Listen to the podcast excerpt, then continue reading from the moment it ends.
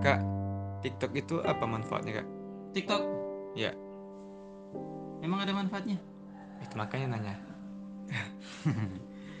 Oke, eh, kakak pengen awali dengan cerita gini.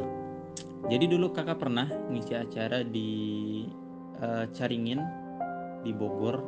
Jadi saat itu ngisi acara untuk eh, kurang lebih 80 akhwat pesertanya dan ada sekitar 5 atau 7 orang ikhwan. Isi acara begitu beres, kakak pulang terus ada salah seorang peserta ngubungin kakak. Seorang akhwat terus dia bilang "Eh, kak kakak masih ingat pertanyaan pertama dia adalah apa tujuan kita hidup?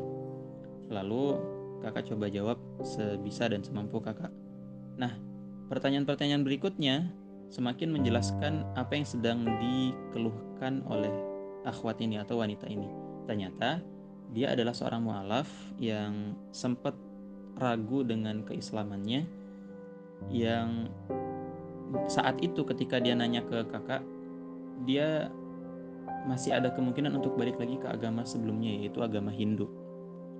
Lalu rasanya itu menjadi tugas yang challenge buat kakak begitu dia nanya hal-hal seputar keislaman ya udah kakak jawab sebisa kakak dan semampu kakak. Dan kebanyakan jawaban itu sebenarnya bukan murni dari apa yang kakak ketahui dari kepala kakak pribadi tapi dari YouTube. Jadi katakanlah dia nanya sesuatu nanya tentang A. Kakak nggak tahu jawabannya. Apa yang kakak lakukan? Kakak cari di YouTube eh, jawaban yang yang rasanya yang persis yang tepat yang cocok lalu kakak share linknya ke dia. Terus begitu dia nanya A B C D terus. Kalau kakak nggak tahu jawabannya kakak cari di YouTube share share linknya ke dia.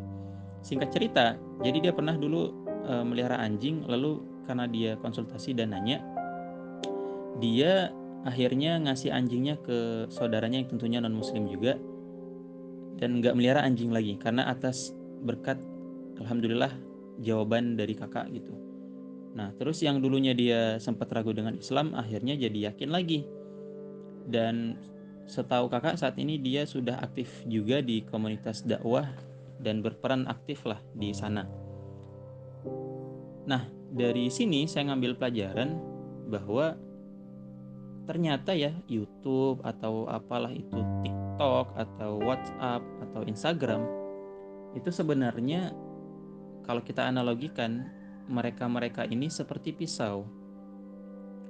Sebagaimana pisau itu bisa dipakai buat bunuh orang, bisa dipakai buat potong apel, bisa dipakai tergantung nih si pemakainya. Kalau pisau tersebut kita gunakan untuk motong apel, motong ayam, motong bawang ya bermanfaat. Tapi kalau pisaunya kita gunakan untuk eh, begal orang, gorok leher orang, nusuk orang, ya tidak bermanfaat. Sehingga begitu juga lah dengan Instagram, WhatsApp, TikTok dan teman sejawatnya. Tergantung kita si pemakainya. Ketika saya menggunakan YouTube untuk menggunakan eh, mencari apa referensi-referensi keislaman lalu saya share linknya ke dia dan akhirnya membuat dia yang yang tadinya ragu dengan Islam sampai akhirnya yakin dengan Islam tentunya itu sesuatu yang sangat bermanfaat sekali maka tergantung si pemakainya dan teman-teman kalau kita lihat di Instagram oke lah banyak konten negatif. Di TikTok apalagi gitu kan isinya goyang-goyang oke lah nah justru itu karena di sana isinya banyak yang goyang-goyang di sana banyak yang isinya nggak bermanfaat di sana banyak yang isinya uh, sesuatu yang mudorot yang bahkan maksiat. Kita hadir di sana. Anggaplah di Instagram ada 100 postingan jelek. Kita lawan dengan postingan baik tuh gitu kalau isinya postingan jelek semua ya kasihan orang-orang nanti yang main Instagram melihatnya yang jelek-jelek semua gitu. Dan sebenarnya kita bisa belajar lah dari para ustadz. Ustadz-ustadz aja yang ilmunya lebih banyak yang yang keilmuannya lebih luar biasa daripada kita main Instagram kok. Bahkan beberapa ada yang main TikTok kok. Nah sehingga tergantung si pemakainya sih. E, seperti pisau tadi kalau kita gunakan untuk begal orang ya itu jadi sesuatu yang tidak manfaat tapi kalau kita gunakan untuk motong apel maka dia menjadi sesuatu yang manfaat.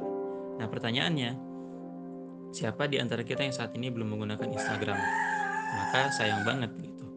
Kalau saya pribadi berfatwa di di di, di hati saya ya eh, anak-anak zaman sekarang tuh wajib punya Instagram. Kewajiban tersebut karena kita mesti dakwah dengan Instagram yang kita punya dengan postingan kita dengan eh, story kita. Karena banyak banget eh, konten di Instagram tuh yang jelek apalagi TikTok gitu kan. Maka kita lawan tuh dengan postingan baik. Bukankah eh, Ali bin Abi Thalib mengatakan kejahatan itu akan terus ada? Eh, kurang lebih ya. Kejahatan itu akan terus ada bukan karena semata-mata kejahatan itu doang tapi karena orang baiknya ada tapi diem gitu. Kita nih banyak orang baik di, di Indonesia tapi diem. Menjauh dari Instagram menjauh dari TikTok sehingga ya isinya jadi jelek semua jadi maksiat semua. Tuh gitu ki. Jadi kalau ditanya apa ada manfaat TikTok atau Instagram atau YouTube maka jawabannya ada. Hmm, tuh gitu. Gimana? Iya, iya, iya. jelas? Jelas jelas kak. Mantap mantap.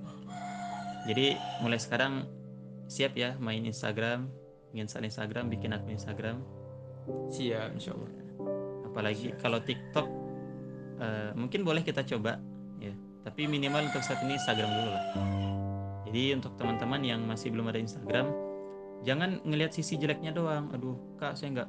Coba diniatkan dakwah. Jadi begitu bikin akun Instagram, langsung posting-postingan kebaikan. Kita pintar nulis nulis, kita pintar bikin video bikin video.